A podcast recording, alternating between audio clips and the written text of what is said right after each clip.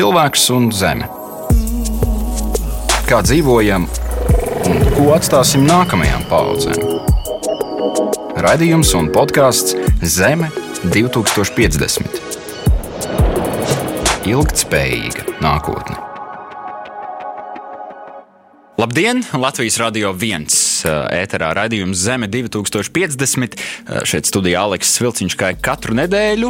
Un es, protams, sveicinu arī tos, kas šo klausās podkāstu formātā visās straumēšanas platformās, kā arī tos cilvēkus, kas vēro šī raidījuma video versiju Latvijas radio YouTube kontā.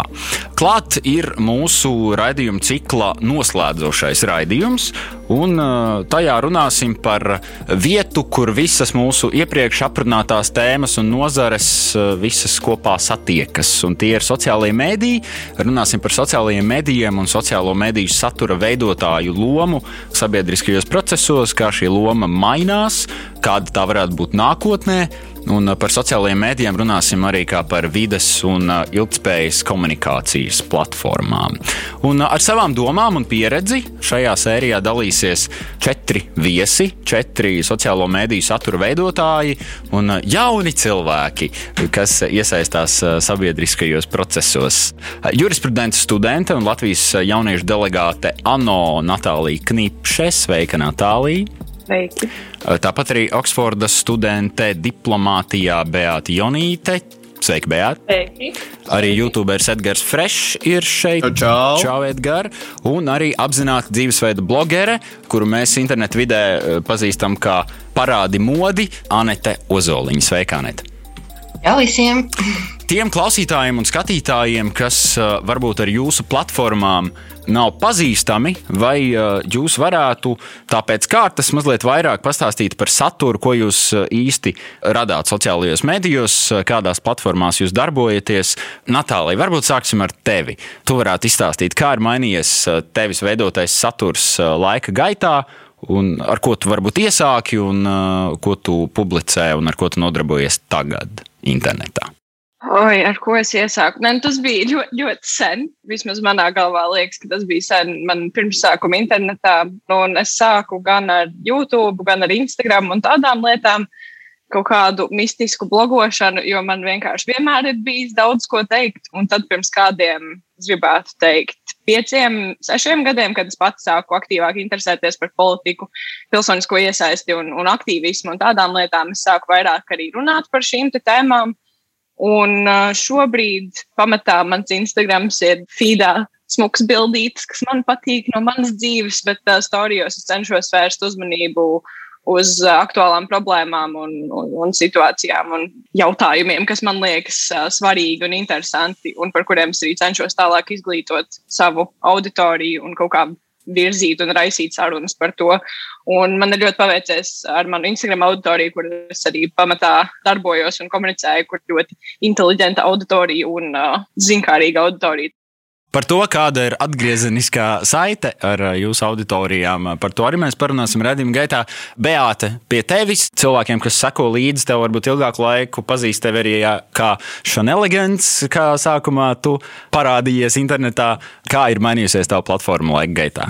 Ļoti, ļoti daudz gadu pagājuši, un Aleks es arī pazīstu vēl no tiem laikiem. Bet, uh, jā, es sāku YouTube, kad man bija 15, ja nemaldos. Es biju skolā, man liekas, ka tā būtu ļoti forša lieta, ko darīt. Un tas vispār nebija par neilgtspējības, ne jebkādām tādām tēmām, kas man saista šobrīd, bet uh, es tādā veidā nostrādāju kaut kādus gadus, piecus vai sešus. Tas YouTube palika kā mana video dienas grāmata cauri skolē, caur universitātēm, pēc tam kaut kā vēlāk es, es to atmetu lielā mērā, un tad arī iesaistījos politikā. Bet man liekas, tāda pirmā saskarsme ar kaut kādu veidu aktīvismu bija, kad es pati sāku aktīvi lasīt un interesēties par vegānismu, kas bija 2014. gadā. Un tad man likās, ka Dievs, es esmu iemācījies kaut ko tik foršu, un es esmu atradus veidu, kā mēs visi kolektīvi varētu palīdzēt glābt pasauli. Un tajā laikā es biju tāds entuziasts par to.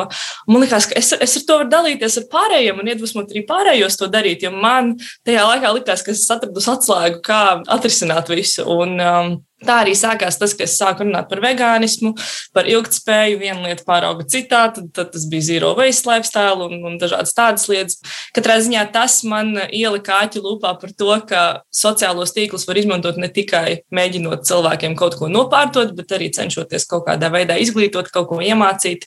Un nu, jau daudz gadi ir pagājuši. Šobrīd mans saturs ir līdzīgs kā Natālijai. Es teiktu, es pārsvarā runāju par politiku. Tas ir arī tas, ko es studēju lielā mērā. Es studēju starptautiskā starptautiskās attiecības, esmu strādājis valdībā, un tad valdības laikā bija iespēja, teiksim, nedaudz vairāk arī varbūt pavērt valdības darbu un kaut kāds iekšpusi tā visa cilvēkiem, kas vienkārši man seko. Un tā arī kaut kā tas viss ir turpinājies. Edgars, tavs stāsts. Vai tev bija kāds īpašs notikums vai klikšķis, kas pavērs tavu saturu arī, piemēram, vidas jautājumu virzienā?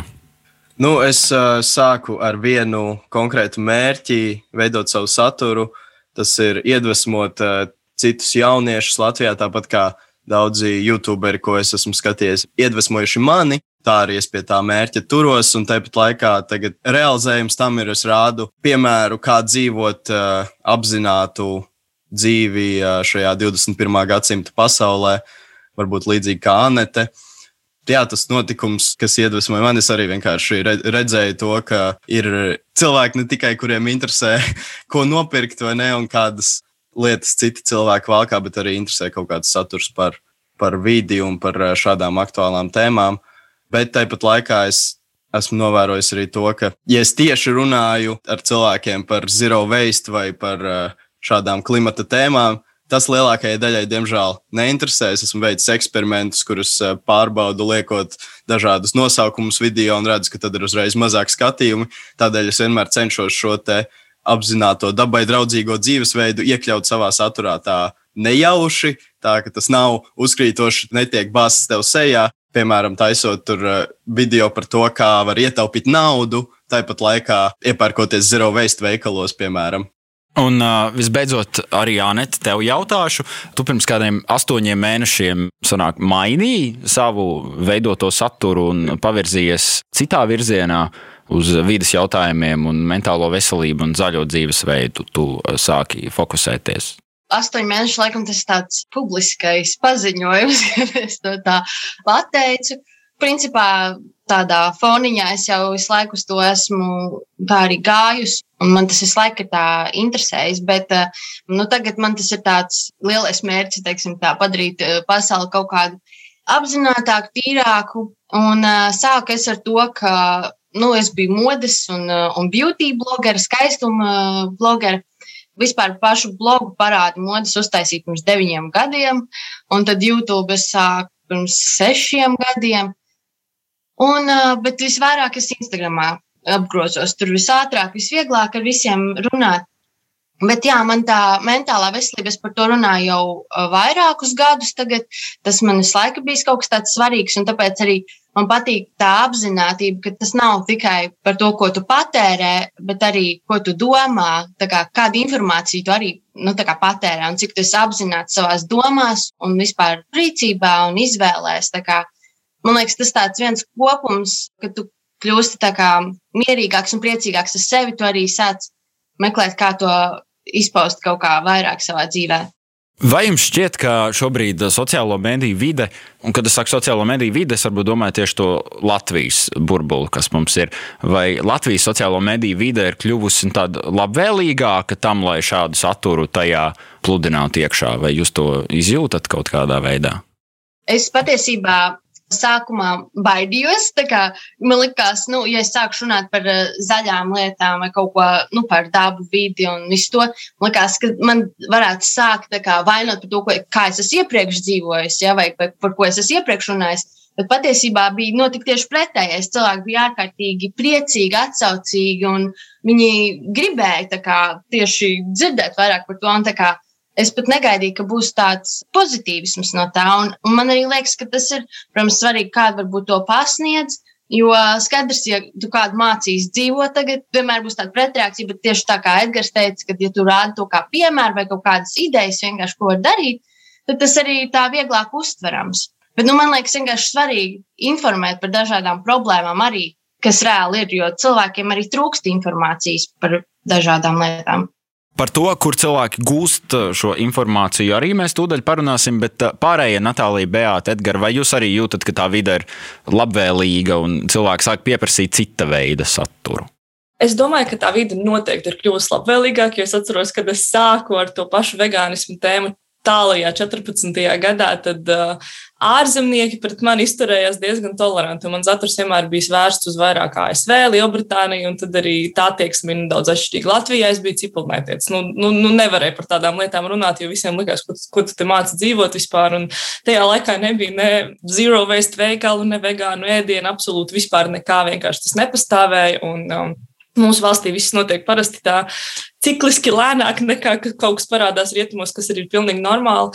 Bet man liekas, tā vide ir mainījusies ar to, ka viņi ir palikusi tik daudz globalizētāka nekā kādreiz. Un sociālos tīklos, ja kādreiz Latvijai bija tāds savs burbulis, man liekas, tagad īpaši jaunā Gen Z paudze ir ļoti izteikti apmēram kļuvusi par vienu vienotu ar, ar influenceriem un cilvēkiem visur citur pasaulē. Un tad arī, ja par kādu tēmu, tie to pašu Black Lives Matter vai ko citu runā ASV, runā Lielbritānijā, runā Rietumvalstīs, tad arī tas uzreiz pāriet pie mums. Un tādā ziņā mēs redzam, ka Latvijā arī tā vide ir kļuvusi labvēlīgāka pilnībā pievienojas aktīvisms un kaut kāds wokeness, vai tas, ka tu runā par kaut kādām konkrētām lietām, pēdējo gadu laikā noteikti ir palicis par tādu mazliet vairāk modes lietu.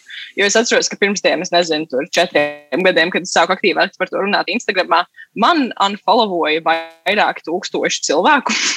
nu, kaut kādā laika periodā, jo nu, es pārgāju no satura, kas bija daudz vieglāks, es nezinu, uz saturu, kas bija nu, tā kā vairāk fokusējās tiešām uz tādām tēmām, kas ir mazliet smagākas, bet arī, manuprāt, svarīgākas. Un, jā, un laika gaitā tie cilvēki nāk atpakaļ pēdējā gada laikā noteikti, bet uh, tas man likās tā, es atceros sākotnēji, tas bija tāds, nu, es to nedaru tāpēc, lai dabūtu sakotājus, tas nav mans darbs, tas ir mans vaļasprieks, tāpēc man tas tik ļoti neietekmē, bet es noteikti pamanīju, ka uzreiz, kad es sāku runāt par politiskiem procesiem, cilvēkiem tas sāka interesēt mazāk. Nu, es uh, novēroju, ka vairāk darbojoties YouTube. To, ka ir ļoti atšķirīgas auditorijas eh, YouTube un Instagram. Instagramā visu laiku tiek runāts par šīm aktuālajām tēmām, līdz ko tās kļūst aktuālas. Eh, visi tur publicē stāstus, visi par to runā. YouTube atkal, man liekas, vairāk cilvēki tomēr vēl joprojām vēlas skatīties izklaidējošu saturu. Un eh, līdz ko jā, tiek pieminēts uh, lielais V vārds, uh, līdz ko es kaut ko par vegānismu ieminos, uh, uzreiz man ir kaut kādi ļoti nejauki komentāri. Uh, par to, ka jāēd gaļu un ka, ka es tūlīt nomiršu. Bet um, lēnām varbūt notiek kaut kādas pārmaiņas, bet vairāk Instagramā. Uz kuru pusi pasaule griezīsies pēc dažām desmitgadēm? Ekspertu spriedumi, risinājumi un prognozes. Raidījums un podkāsts Zeme 2050. Ilgtspējīga nākotne. Mēs dodamies tālāk. Uh, jau diezgan pasen tiek runāts par tradicionālo mēdīju norietu. To mēs visu laiku dzirdam visās malās. Dzirdam viedokļus, ka sabiedrisko domu vispār drīz veidos tikai sociālie tīkli. Un uh, informāciju arī mēs iegūsim tikai tur. Vai jūsuprāt, šīs izmaiņas jau ir notikušas? Vai mēs tās vēl gaidām, vai viss vēl ir procesā? Jo man šķiet, ka gadiem par šo tiek runāts. Jā. Man personīgi tā arī ir. Ja es par visām ziņām, par visu uzzinu principā no sociālajiem tīkliem, nevis no ziņu portāliem. Un, ja es gribu kaut ko vairāk, varbūt vēl parakties, tad es eju, bet kā, es visu, ko man vajag, uzņemu tieši tā. Man tā interesanti ir, jo es esmu pastrādājis par cik kā sabiedrisko attiecību cilvēks divās ministrijās, līdz ar to es strādāju ar mēdījiem, es strādāju ar televīzijām, un uh, tas ir ļoti atkarīgs no vecuma grupas. Un, diemžēl, skatoties vismaz uz politiskiem procesiem, uh, mērķa auditorija, vēlētāji, cilvēki, ko tu vēlēsies uzrunāt, pārsvarā ir uh, joprojām tie, kas arī skatās vakarā ziņas un lasa um, portālus, Delfus, TV netu. Jaunieši pārsvarā ir, protams, sociālos tīklos, nevis pārsvarā, bet tikai sociālos tīklos, bet viņi arī ir tie, kas, diemžēl, ir diezgan neaktīvi un vismaz politiskos procesos tu vari viņus mēģināt uzrunāt, bet liela daļa nemaz neaizies vēlēt. Tas ir, tā ir tāda bēdīga apziņa par šo. Bet uh, redzam arī, ka es pieļauju, ka visu mūsu vecāki izmanto sociālos tīklus, tā kā pamazām tas notiek, bet es domāju, tradicionālajie mēdīji ir demokrātijas pamatu pamats, viņi ir jācenšas cik vien var uzturēt tomēr kaut kā turpināt atdzīvināt, iesaistīt tradicionālos mēdījus sociālos tīklos, ko tagad ļoti labi dara ļoti daudzi radio un televīzijas kanāli, ka tu redzi, tev parādās no tradicionālajiem mēdījiem ziņas tavā sociālo tīklu lentā. Un man šķiet, tas ir tas veids, kā viņi var saglabāt savu autoritāti un tomēr sniegt kaut kādas patiesākas ziņas, kas, diemžēl, sociālos tīklos bieži ir liela problēma ar viltus ziņu izplatību, ar dezinformāciju. Es atceros, tagad pirms mm. pēdējām eh, Eiropas parlamenta vēlēšanām bija sajūta, ka nu, visi sociālie tīkli ir sadavušies rokās ar uh, Natāliju Knipši priekšgalā, un uh, nu, visiem ir jāiet uz Eiropas parlamenta vēlēšanām, darbie jaunieši. Bet tur tā aktivitāte Aha. šķiet nemaz tik milzīga nebija. Vai tas nenostrādāja, vai tomēr to tā sociālajos tīklos tādu vētru nu, nevar uzbūrt, lai cilvēki tiešām arī fiziski kaut kur aiziet? Es vēl ļoti labi atceros tieši pēc tam vēlēšanām ka man, piemēram, bija sajūta, ka es tiešām, nu, vismaz pēdējo mēnesi pirms vēlēšanām esmu runājusi tikai un vienīgi par Eiropas parlamentu vēlēšanām. Un neviena cita tēma manā dzīvē, man liekas, vispār, es nezinu, tur uh, sociālā tīkla dzīvē pilnīgi noteikti uh, gandrīz neparādījās. Bet, nu, manuprāt, tā problēma ir, ka jauni cilvēki lielā mērā nesaprot to vērtību, kas ir varēt iet vēlēt un to, kāda privilēģija tā patiesībā ir. Un tas arī izraisa šo problēmu. Jo, lai arī, piemēram, kad bija Francijas prezidents Latvijā, viena no galvenajām tēmām, par ko viņš runāja, bija dezinformācija un digitalizācija, un mēs arī tā ietvaros Rano jauniešu delegātu programmu veicām aptauju. Un aptuveni 95% respondentu, kas bija jaunieši vecumā no 15 līdz 25, iegūst savu informāciju no sociālajiem tīkliem. Un ļoti bieži, kā mēs zinām, tā informācija nav precīza, un tā informācija, nu, Viņa varbūt tur ir, bet nav tās līdz galam varbūt motivācijas, lai ietu vēlēt, lai ietu kaut ko faktiski darīt. Tu nevari piespiest cilvēkam darīt kaut ko, ko viņš negrib, kaut ko, kas viņam neinteresē. Labākais, ko tu kā satura radītājs sociālos tīklos vari darīt, ir, ir prezentēt šo informāciju saprotamā, viegli uztveramā veidā un nu, cerēt uz labāko. Es nezinu, jo tiešām, kā Aleks teica, pirms katrām vēlēšanām, man kā cilvēkam, kas nav nekad bijis partijā, man tas tā vēlme ir. Um, tieši panākt to iesaisti pēc iespējas plašākā mērogā, lai katrs vienkārši atrod sev to piemērotāko, bet tas nav, diemžēl, tik viegli izdarāms. Tur, man liekas, arī ir viena cita viegla atbilde, un tas ir viens vārds - burbuļi. Un uh, echo chambers, kā tie saucas, uh, Natai ir brīnišķīga auditorija, bet viņa ir ļoti specifiska un tā auditorija neatspoguļo ne lielāko daļu Latvijas jauniešu. Tā tas ir ļoti mazs procents. Un, un tas ir tas, ka tu paudi sociālajos tīklos savu saturu, un lielākā daļa, kas tev sako, tomēr tev jau kaut kādā ziņā piekrīt. Un tie arī ir tie, kas aizies nobalsot, bet mums sekotāji ir pāri desmitam tūkstošu, nevis 250 eh, tūkstoši, kas ir jauniešu skaits Latvijā. Līdz ar to sanāk, ka tev konstanti apstiprina tavas ziņas, tavi sekotāji, un ar tevi komunicē, un tev liekas, o, viss ir super, es esmu motivējis cilvēkus. Tie cilvēki aiziet, bet tā ir tikai ļoti, ļoti maza daļa. Un līdz kā līdz tiem pārējiem vispār aizsniegties, ir sarežģīts jautājums. Un tur, man liekas, Edgars ar to, ka viņš cenšas caur izklaidējošu saturu ielikt iekšā kaut kādu politiku, kas varbūt var piesaistīt to pārējo auditoriju, kas nav jau tie woke kids, kā viņus sauc. Man liekas, tur tā, tā varbūt arī ir atbildu šo. Jā, man, man viskaistākā ziņa, ko es saņemu savos Instagram diemos, dažreiz ir uh, cilvēki raksta, ka viņi nekad iepriekš mūžā nedomāja, ka viņi varētu kļūt par vegāniem, un uh, tagad viņi jau ir kļuvuši par veģetāriešiem, piemēram. Ir, es zinu, ka es sasniedzu arī tos cilvēkus, kurus ir grūtāk sasniegt. Un uh, par uh, iesaistīšanos dzīvē ir tāds piemērs, ka pirms diviem gadiem es laikam uh, aicināja cilvēkus pievienoties klimata streikā, tad, kad tas bija ļoti, ļoti aktuāli. Un es arī uztaisīju aptauju, jautājot, cik tad uh, cilvēki no maniem sekotājiem ies, un uh, bija 200 cilvēki atbildēja, ka viņi piedalīsies. Lielākā daļa, protams, teica, ka nepiedalīsies, bet 200 teica, ka piedalīsies. Un, un es nezinu, vai, vai tas ir man, mans kaut kāda veida panākums, vai tomēr tas parāda to, ka tomēr tā daļa cilvēku vienkārši kas seko man, ir arī tādi, kas ir aktīvāki. Kā jums šķiet, ja mēs tieši par uh, šiem ilgspējas komunicēšanas jautājumiem uh, runājam, kādas ir sociālo mediju priekšrocības, ja salīdzinām ar tradicionāliem medijiem? Uh, tieši par ilgspējas komunicēšanu. Ko tur labāk var izdarīt? Vai tur tā vēsts ir nu, personīgāka, varbūt, un tāpēc viņi aizķeras labāk nekā, piemēram, kaut kādās mēdīju kampaņās? Es domāju, ka viņi varbūt tādu rotaļīga un interesanta un praktiska un kaut kas tāds, nu, ko varbūt tā tiešām ir vieglāk uztvert. Un, ja tev kāds, kam tu uzticies, kam tu seko, kas tev patīk, ja viņš to tā forši pasniedz, tad arī, man liekas, to ir tā vieglāk sagramot un uztvert. Nu, tā, man, man tā liekas.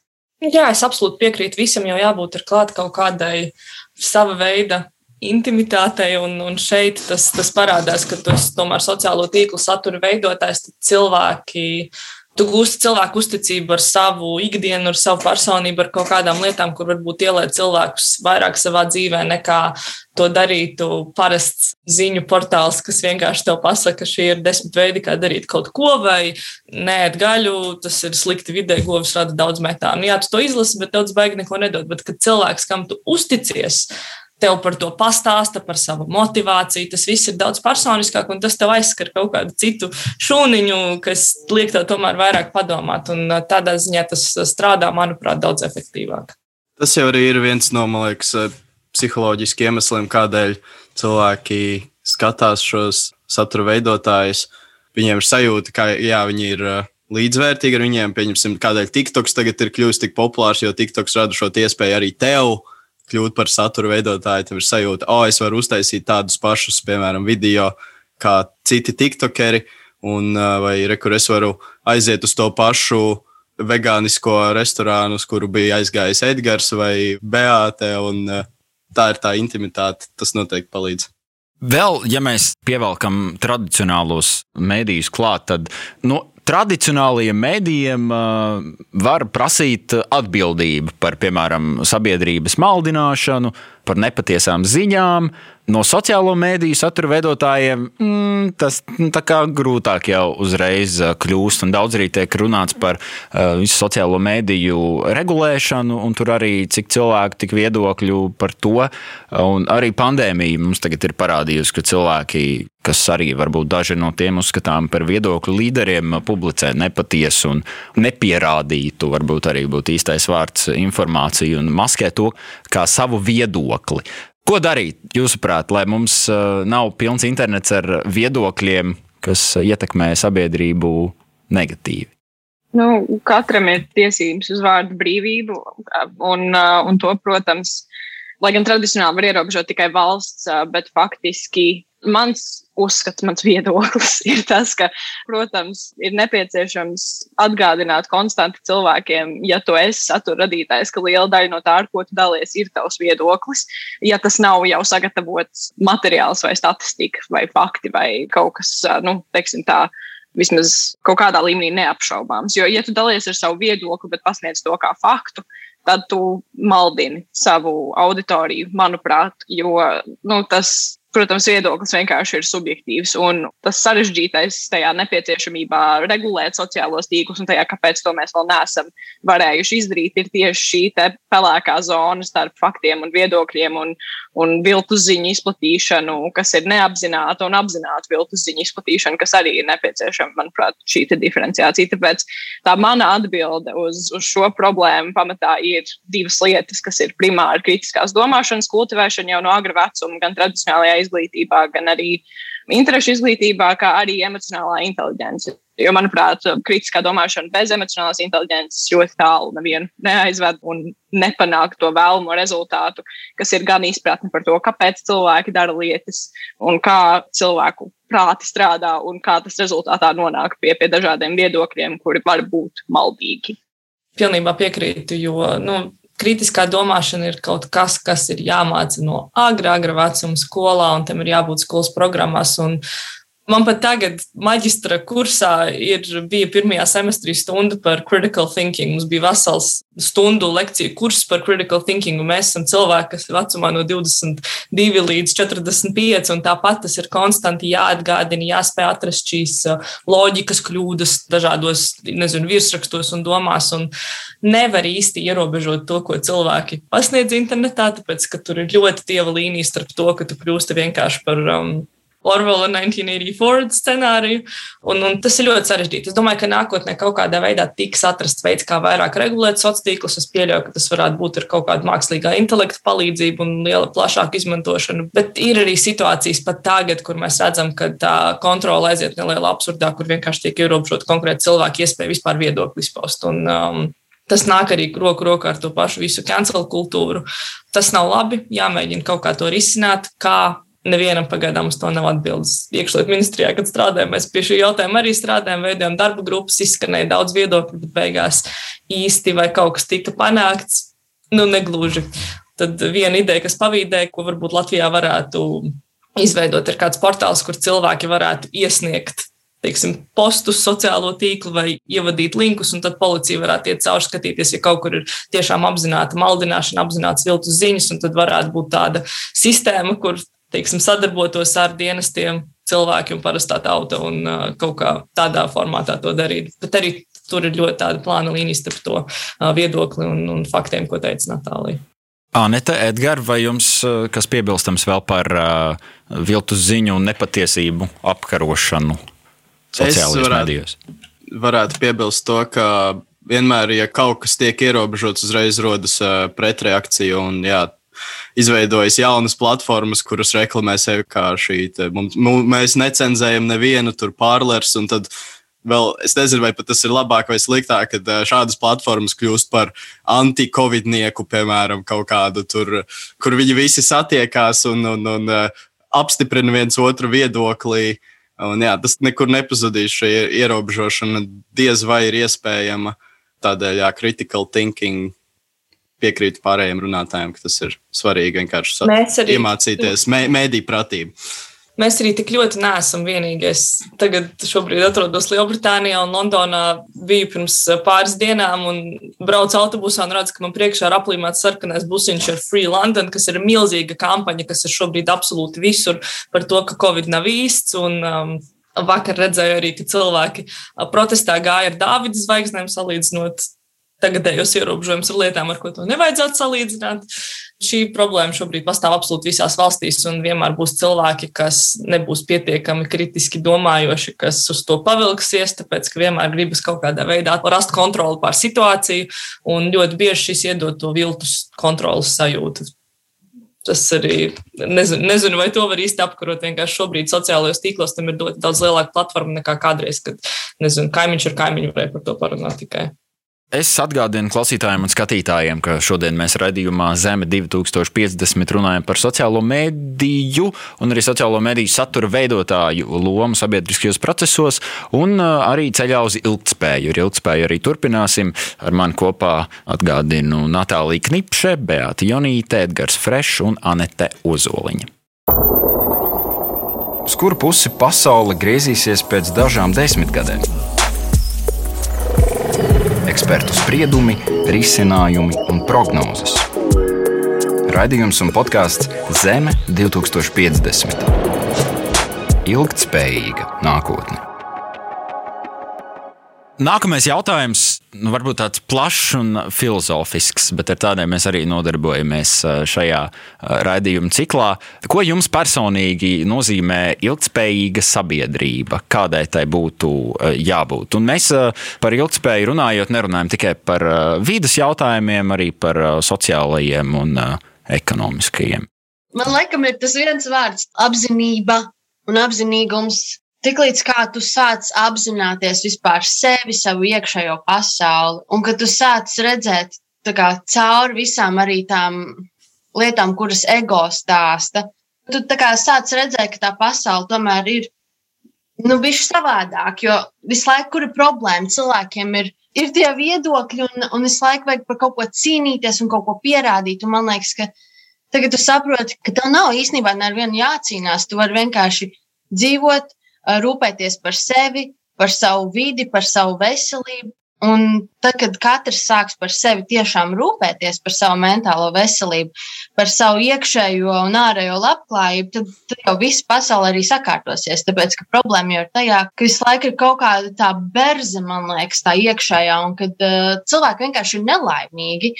Un tad, kad tu sāc tā apzinātāk pieiet visai nu, dzīvē un savai iekšējai pasaulē, tas viss kaut kā atrisinās, un tad tu arī gribi vairāk domāt par ārējo pasauli un kā tu ar citiem kā, komunicē. Jo tu saproti, ka nu, tu neesi viens te visur, un arī tu atkod visas tās prāta, tos stāstīņus, kas visu laiku ir tev galvā stāstījušies. Un, Nenoticēt vienkārši tam domām, jo visu laiku mēs beigām noticam katrai idejai, kas mums iešaujas prātā, un vienkārši domas jau nav fakti, tie vienkārši ir impulsi.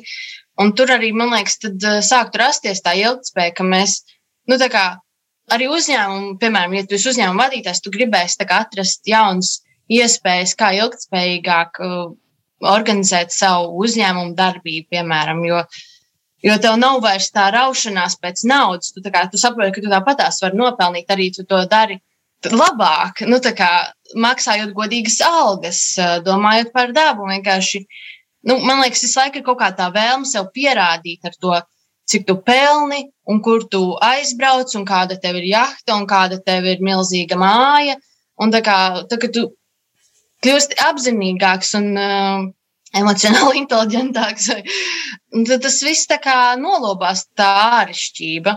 Un man liekas, ka var tikt vaļā no tās āršķirības, tad arī tā ilgspēja var tā kā tiešām dzīvot.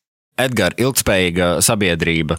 Kādu mēs gribam sabiedrību redzēt, kādai tai būtu jābūt, lai mēs nedzīvotu konstantā konfliktā, kā tas brīžiem šķiet, ka ir.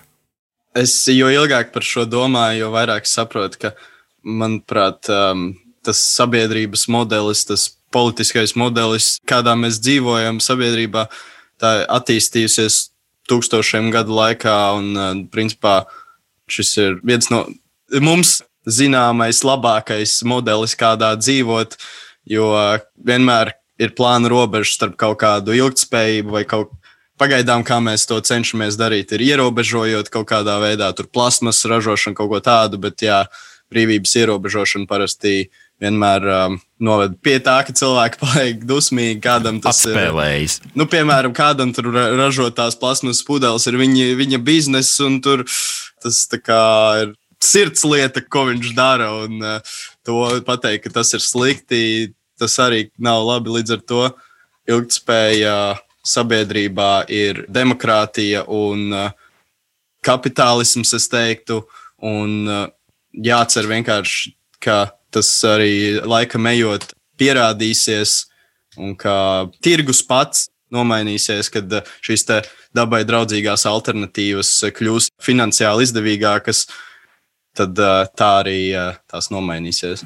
Iepriekšējā raidījumā mēs runājam par finansēm un ekonomiku. Un tas, ko Edgars, tu saki tagad, ka dabai draudzīgās lietas, ka tām vienkārši jākļūst izdevīgām, mēs nonācām pie kopsaucēja, ka tas patiesībā nu jau beidzot sāk notikt. Tā kā mēs kaut kādas pozitīvas pārmaiņas jau varētu teikt, ka pat jau izjūtam un izjutīsim arī vien vairāk. Beat, tev vēl kas bija piebilstams par, Jā, par ilgspējīgu sabiedrību? Tas, ko es gribēju teikt, ir tuvāk tam, ko, tam, ko teica Edgars. Man nav ilūzija par cilvēka dabu un cilvēka dabā, diemžēl, ir pēc maniem uzskatiem gribēt vairāk un dzīvot ar vairāk resursiem. Tas nāk, liekas, no jau seniem cilvēku attīstības laikiem. Un uh, nav ilūzija arī par to, ka ir ļoti grūti visos to apzinīgumu ieaudzināt, tāpēc ir jārada veidi un jārada kaut kādas veids, kā inicijēt cilvēkos vēlmi dzīvot zaļāk un vēlmi kaut ko tādu darīt. Uzņēmējiem ir jādod atlaides par to, ka viņi pāriet uz zaļākām tehnoloģijām. Jo pats par sevi tas nenotiks. Mēs nevaram gaidīt uz to, ka visi pasauli pēkšņi vienā rītā pamodīsies un izdomās, es tagad būšu labs pilsonis, un es tagad labi dzīvošu, un es būšu tagad apzinīgs. Tas vienkārši absolūti nenotiks. Tāpēc, jā, manuprāt, vienkārši jāstrādā ar to ir skolās, jāmāca cilvēkiem, ko nozīmē ilgspēja, ko nozīmē rūpēties par pasauli, dzīvot tādā veidā, lai tas neap, neierobežot nākamās paudzes, jo tā jau ir tā ilgspējas definīcija pa lielam, lai tavas rīcības kā cilvēkam ne, neierobežo nākotnē iespējas pilnvērtīgi dzīvot nākamajām paudzēm. Un uh, to vajag no bērna kājas mācīt, par to vajag stāstīt, to vajag ieaudzināt ģimenēs, uh, vajag padarīt to pašu, kas, manuprāt, Latvijā ir nenormāli liela problēma. Es redzu, ka Lielbritānijā tas ir par atkritumu šķirošanu. Te atkritumu šķirošanas konteiners ir pie katras mājas. Nav nevienas mājas, kur nav šķirošanas konteineru. Latvijā šī sistēma nav sakārtot. Tas nav ērti. Cilvēks tomēr ir tāds ērtības radījums. Mums, mēs neiesim un nedarīsim kaut ko, kas mums nav, nav komfortabli. Un, ja jāiet šķirot atkritumi un jāiznes trīs kvartālus tālāk, cilvēks, kas, kam ir primāra sava vērtība, to vienkārši nedarīs. Tā kā tas ir jādara sasniedzams, viegls, ērts, jā, ir jāinvestē tiešām liela nauda, un tikai tad arī kaut kas sāks notikt. Man liekas, ka man doma līdz galam varbūt jums nenolasījās, jo tās fiziskās lietas ir pēc tam. Tas, par ko es vienkārši teicu, ka cilvēkiem būtu, tā kā skolās, manuprāt, būtu jāievieš mindfulness stundas, kad māca meditēt un kaut kādas tādas lietas, tā kā tos veidus, kā sevi nomierināt, kā mācīties tik galā ar stresu, kā saprast sevi, kā saprast uh, psiholoģiskās traumas un tās visas lietas Jo mentālajai veselībai ir milzīga, milzīga ietekme uz to visu. Un tā ir tā nu, ilgspējība, ja, kad mēs runājam par tādu nu, garīgo, ka tu garīgi esi ilgspējīgs un uh, tu vari kā, tiešām funkcionēt labi, tad tās visas lietas kā, sekotam. Tas vienkārši bija tas, par ko es runāju. Ka, jo vairāk cilvēki mentāli uzlabos savu to veselību, jo, manuprāt, vienkārši kļūs mierīgāk un tāda apzinātāka sabiedrība. Es pilnībā piekrītu par šo. Tā, es domāju, jāsāk katram pašam ar sevi, un līdz ko es redzēšu, ka politiķi, piemēram, sāks domāt ne tikai par materiālo, bet sāks meditēt un paust šādas idejas, es domāju, tad arī notiks liels pārmaiņas. To es ļoti gribētu redzēt. Meditācijas prakses mūsu valsts iestādēs. Mums jāatgriež atpakaļ pie arī sociālajiem mēdījiem. Mēs tagad esam sapratuši, ko jūs saprotat ar ilgspējīgu sabiedrību. Un viena no lietām, kas sociālajos mēdījos ir tāds vilnis, kas ir pārņēmis, un par to šausmīgi daudz tiek runāts, ir tāda lieta kā atcelšanas kultūra, jeb cancel culture. Tas, ko es vēlos jautāt, pirmkārt, vai kāds no jums varētu uzņemties klausītājiem, kas varbūt ir ieslēguši radio un nesaprot, kas tā tāda atcelšanas kultūra, vai jūs varētu tā izskaidrot šo terminu? Un otrais jautājums, ko jūs par to domājat? Un um, vai šāda kultūra iet kopā ar uh, to ilgspējīgo sabiedrību, par ko mēs tikko uh, runājām? Beāta izskatās ļoti Jā. gatava runāt. Tātad, lai izskaidrotu, kas ir cancel culture, jeb atcelšanas kultūra, ir tāds fenomens 21. gadsimtā, kad uh, kāds cilvēks pieļauj kādu kļūdu. Un masveidā sociālo tīklu lietotāji, viņu atbalstītāji, viņu neatbalstītāji izdomā šo cilvēku atcelt. Principā, kad cilvēks tiek izraidīts no sabiedrības, izraidīts no sociālajiem tīkliem, un tajos vairs nav pieņemts. Manuprāt, atcelšanas kultūra ir viena no toksiskākajām parādībām, ar kādu mēs esam sastapušies, un ilgspēja tas galīgi neiet kopā. Un tas galvenais iemesls tam ir tas, ka cilvēka autentiskumam ir nepieciešama izaugsme. Un, eh, ja kādreiz senākā laikā, kad nepastāvēja sociālai tīkli, es ar kādu iepazīstos, iepazīstos ar to, kas šis cilvēks ir šodien. Viņš līdz tam ir izaudzis, viņš ir izgājis cauri kļūdām, viņš ir veicis savā dzīvē daudz dažādas muļķības, bet viņš ir no tā mācījies, viņš no tā ir guvis attiecīgo informāciju, un tad iepazīst to cilvēku tādu, kāds viņš ir. Atcelšanas kultūra ļoti bieži kā mēs esam redzējuši īpaši pēdējā gada laikā, notiek tādēļ, ka kāds ir izdarījis kļūdu savā pagātnē. Sanāk, ka tu paņem cilvēka sociālā tīkla tēlu vai kaut ko, ko viņš ir pateicis vai izdarījis pirms desmit gadiem, un pasniedz to tā, kā tā ir šodiena. Un, um, Es redzu arī, arī YouTube, tas ir daudz noticis, kad ir canceloti zināmi YouTube tēli, kas tiešām ir bēdīgi, jo ne tas cilvēks tā vairs domā, ne viņš tā vairs darītu, bet kaut kas, kas senākā laikā bija norma, tiek pieņemts par šodienu.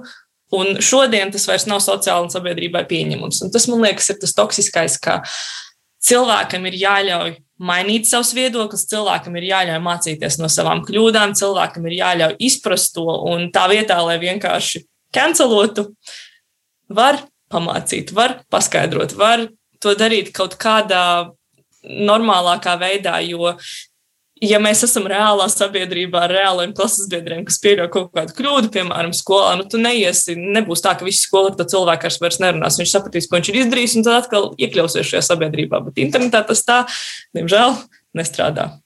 Tā kā jā, atcelšanas kultūra noteikti ir viens no sliktākajiem uh, fenomeniem uh, šajā gadsimtā, manuprāt. Vai pārējie piekrīt uh, Beatas viedoklim? Es uh, daļai piekrītu, daļai nepiekrītu. Viens ir, uh, es neesmu tik ļoti iedziļinājies tieši šajā kancela kultūras jaunajā fenomenā, bet cik es saprotu, tas ir kā internets vienmēr ir strādājis. Šeit ir tāda daudz lielāka atbildība par katru vārdu, ko tu esi teicis. Būtībā jā, jāuzņemās atbildība, jo internetā lietas paliek, un cilvēki, sekotāji vienmēr notur tevi pie šīs atbildības, vienmēr pasaka, ka, ko tu esi izdarījis pareizi vai nepareizi, tad pieņemsim kaut kādā pretēji tur eh, politiķi var darīt, ko viņi grib, un uh, vispār neuzņemties par to atbildību, kas arī nav gluži labi. Bet uh, nu šeit ir tas līdzsvars, cik es esmu novērojis. Arī internetā cilvēki ir diezgan piedodoši, bet tad, ja tu atkārtoti daudzas reizes pieļauj šo vienu un to pašu kļūdu, vai ja cilvēks nemainās, kaut kāds gadījums tur konkrēts par Šeinu Dosonu, ko es esmu skatījies YouTube, kurš tika sākumā izņemts no viņa pagātnes, tur kaut kādi sīkumi. Un viņš teica, ka varbūt viņš ir mainījies, bet uh, pēc tam cilvēki iedziļinājās un atrada to, ka viņš ir atkārtot tur uh, dažādus pedofīliskus uh, izteicienus minējis un kaut ko tādu. Un tad jau tas kļuva tā nopietnāk. Un, uh, es domāju, jā, ja cilvēks nemainās, tas ir pilnīgi normāli, ka cilvēki vienkārši viņu beidz klausīties.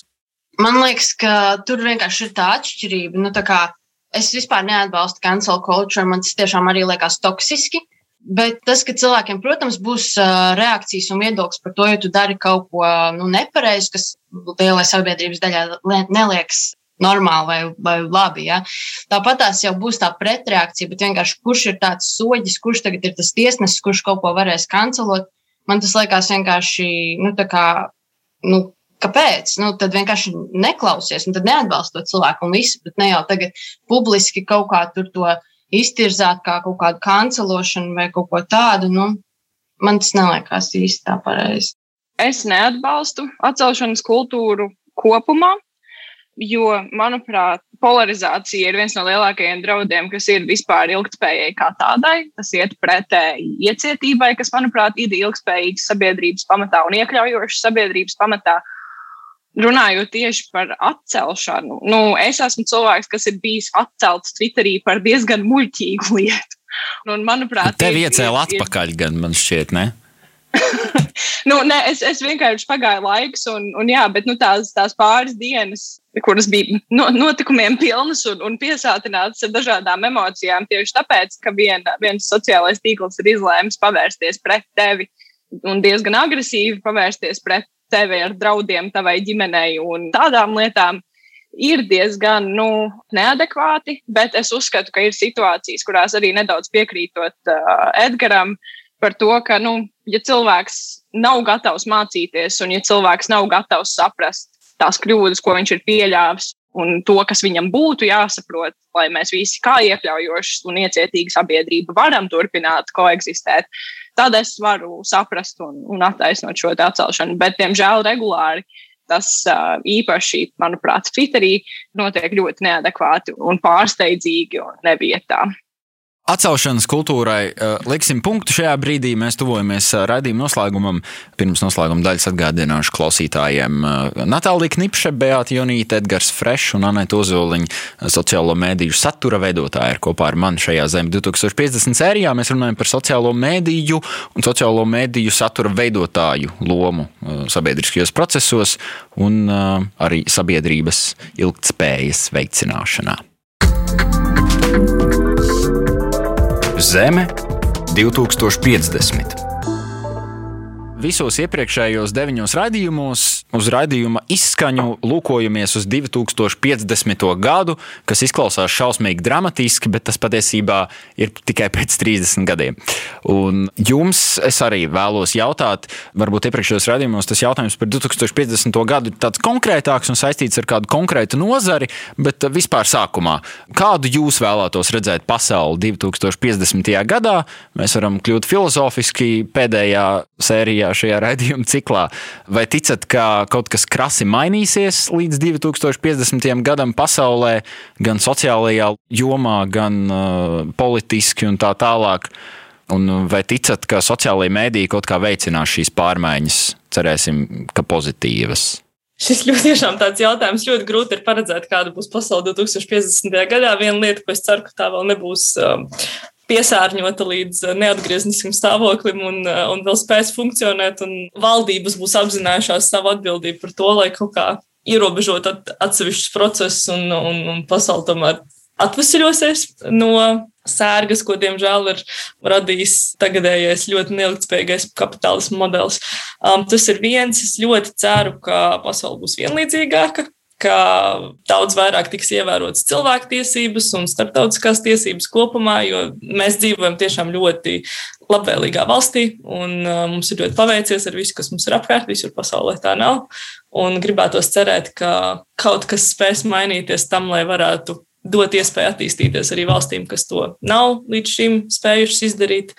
Bet tas ir ļoti protams, tā pozitīvi, skaisti domājot, lielā mērā es, es domāju, ka realistiski tik daudz kas nemainīsies. Vienkārši varbūt jau sāks zvanīt, zvani tam, ka ir jau pēdējais brīdis un vairs nevar, un kad tiešām jau sāksies dabas katastrofas, kad sāksies tiešām redzams problēmas, tad varbūt arī kaut kas sāks krasi mainīties. Un, diemžēl man šķiet, ka tas ir tas, uz ko mēs šobrīd ejam. Jo daudzas arī tādas valdību un starptautisku organizāciju izteiktie solījumi par to, ka kaut kas jāmaina līdz 2030. gadam vai līdz 2035. gal galā paliek lielā mērā pagaidām tikai tādi solījumi, jo tādā modelī, kādā pasaule strādā šobrīd, um, tas ir labvēlīgi atsevišķiem cilvēkiem un nevar redzēt, ka tas varētu drīzumā mainīties. Zeme 2050. gadā, kāda vēl vīzija kādam? Es redzu diezgan milzīgas pārmaiņas pasaulē, kurā mēs dzīvosim. Cerēsim to, ka jā, 2050. gadā būs uzņēmumi, kas sola tagad līdz 2030. gadam kaut ko pārmainīt, tur, pieņemsim, beigt ražot uh, mašīnas ar iekšdedzes dzinējiem. Ka tie solījumi tiks piepildīti, un ka ne, tajā 2050. gadā viņi nesolīs to, ka 2060. gadā viņi to izdarīs un nepārcels visu laiku šo datumu. Bet es ticu, ka tā nebūs, un ka nezinu, lielākā daļa varbūt ne lielākajai daļai, bet daudzām tur mājām uz jumtiem būs saules paneļi. Mēs ēdīsim uh, laboratorijā audzētu gaļu, negalināsim dzīvniekus vairs uh, priekš gaļas, un uh, būs šis mākslīgais intelekts un blockchain. Šīs tehnoloģijas būs ietekmējušas pasauli vēl krasāk nekā internets to ir izdarījis pēdējos 20 gados. Es vēl nezinu, kā tas tieši izskatīsies, Bet uh, cik es esmu pētījis, cik es esmu interesējies par šīm tēmām, šīm tehnoloģijām ir potenciāls jā, ietekmēt pasauli vairāk nekā internetam. Anita un Natālija, jums es mazliet sašaurināšu šo jautājumu, ņemot vērā, ka mums šīs sērijas eh, fokus ir uz sociālajiem medijiem. Kāda, jūsuprāt, eh, tajā 2050. gadā, kas nav nemaz tik tālu, varētu būt sociālo mēdīju loma, sociālo mēdīju satura veidotāju loma sabiedrībā, vai tā būs lielāka, vai tā mazināsies. Un uh, es tā kopistiski pieņemu, ka mēs visi saprotam, ka 2050. gadā kaut kas, ko varētu saukt par sociālo mēdīju, noteikti būs. Man ir divas versijas šim, kuras abas varētu pat koegzistēt tajā brīdī. Jo tas, ko es uh, pēdējā laikā lasu un uh, dzirdu ar vien vairāk, ir tas, ka cilvēkiem sāk apnikt sociālai tīkli, sāk apnikt pavadīt savas dzīves telefonos. Es nezinu, vai tas ir pandēmijas iespējā vai kā. Bet um, ir tāda kultūra, ka jaunā paudze nedaudz arī vairāk virzās prom no, no tā, kā mēs uh, dzīvojam savu dzīvi. Kā saka, nature is healing, un mēs virzamies atpakaļ uz, uh, uz kaut kādu mazliet pietuvinātu versiju dzīvē, kāda tā bija pirms mēs pavadījām, uh, nezinu, ļoti daudz laika savās ierīcēs katru dienu. Kas ir viena versija, lai arī varbūt ne, ne ļoti realistiska, bet es, es ceru, ka tā, tāda kultūra arī tiks mazliet vairāk iedibināta. Un otra versija protams, ir, ir tas, ka tas ir ļoti atkarīgs no tā, kādas būs pieejamās tehnoloģijas tajā brīdī. Vai mēs visi varēsim, es nezinu, virtuālajā realitātē satikties no jebkuras pasaules malas, vai mēs būsim, es nezinu, kā zvaigžņu karos Jedi Council, kur visi sēž katrs savā hologrammā un, un visi vienkārši pavadām laiku kopā tādā veidā. Um, es nezinu, bet, bet es domāju, ka tas uh, veids, kā mēs komunicēsim, tiks arvien vairāk un vairāk atvieglots ar kaut kādiem starpniekiem, Un tad, jā, tad ir tās divas izējošās reakcijas, kas ir tā pirmā, ko es minēju, ka mēs virzīsimies tālāk no tā prom, mēģināsim atkal atgūt kaut kādu savu cilvēcīgumu, vai arī tieši pārvirzīsimies uz, uh, uz tādu mazliet paralēlu realitāti, kas arī būs tie mūsu sociālie tīkli, kas nozīmēs potenciāli kaut ko pilnīgi citu. Es uh, līdz šim šajā raidījuma ciklā ar savām vīzijām baigi nenodarbojos, bet uh, vai jums nešķiet, uh, ka būtu pienācis laiks, piemēram, nākt atpakaļ tādiem kārtīgiem hipiju laikiem? Anet. es, es esmu par, es esmu par hipiju laikiem. Man tas liekas ļoti forši. Un, zin, kā, arī, nu, piemēram, šobrīd, kam tu seko sociālajos tīklos, tas jau atkarīgs no tevis. Tu vari redzēt dibenus, un tu vari redzēt mašīnas, un tu vari redzēt arī hipijas. Tā kā, ja tu izvēlies redzēt hipijas, tu arī viņus redzi. man ir ļoti interesanti pašai, kā novērot savos uh, explore page'os, kā man ir izmainījies tas, kas man tur rādās no ko šiem nagiem acīm tagad man tur ir uh, mental health un nu, mentāla veselība un visādi tur uh, audziņi apmēram. Algoritms bet, nu, nākotnē... ir tavs spogulis, jā. jā, jā, jā. Un, bet nākotnē es domāju, ka, nu, man liekas, ka tā tehnika jau nekur nepazudīs. Viņa vienkārši attīstīsies, tad, bet man liekas, ka cilvēki varētu novērtēt to, ka ir krietni jāierobežo varbūt tas patēriņš, cik daudz viņi patērē un kā un vienkārši kļūst ar vienu ar vienu būt tādi nu, pārdomātāk tam, kam viņi seko, ko uzņem kādu informāciju, jo tas viss ir arī tāda mūsu mentālā barība, teiksim tā. Visu to mēs uzņemam sevi tomēr arī iekšā. Tā kā mums šodien ir noslēdzošais raidījums ciklā Zem 2050, es jums lūgšu, kā pēdējiem šī raidījumu ciklā viesiem, varbūt ne pārāk gari, neieslīgstot garos ieteikumos, bet ko jūs ieteiktu klausītājiem? Tas var būt praktisks ieteikums, tas var būt filozofisks ieteikums saistībā ar ilgspēju un dabas aizsardzību vai par jebko citu, ko jūs vēlaties. Lasīt, kopumā vienkārši lasīt.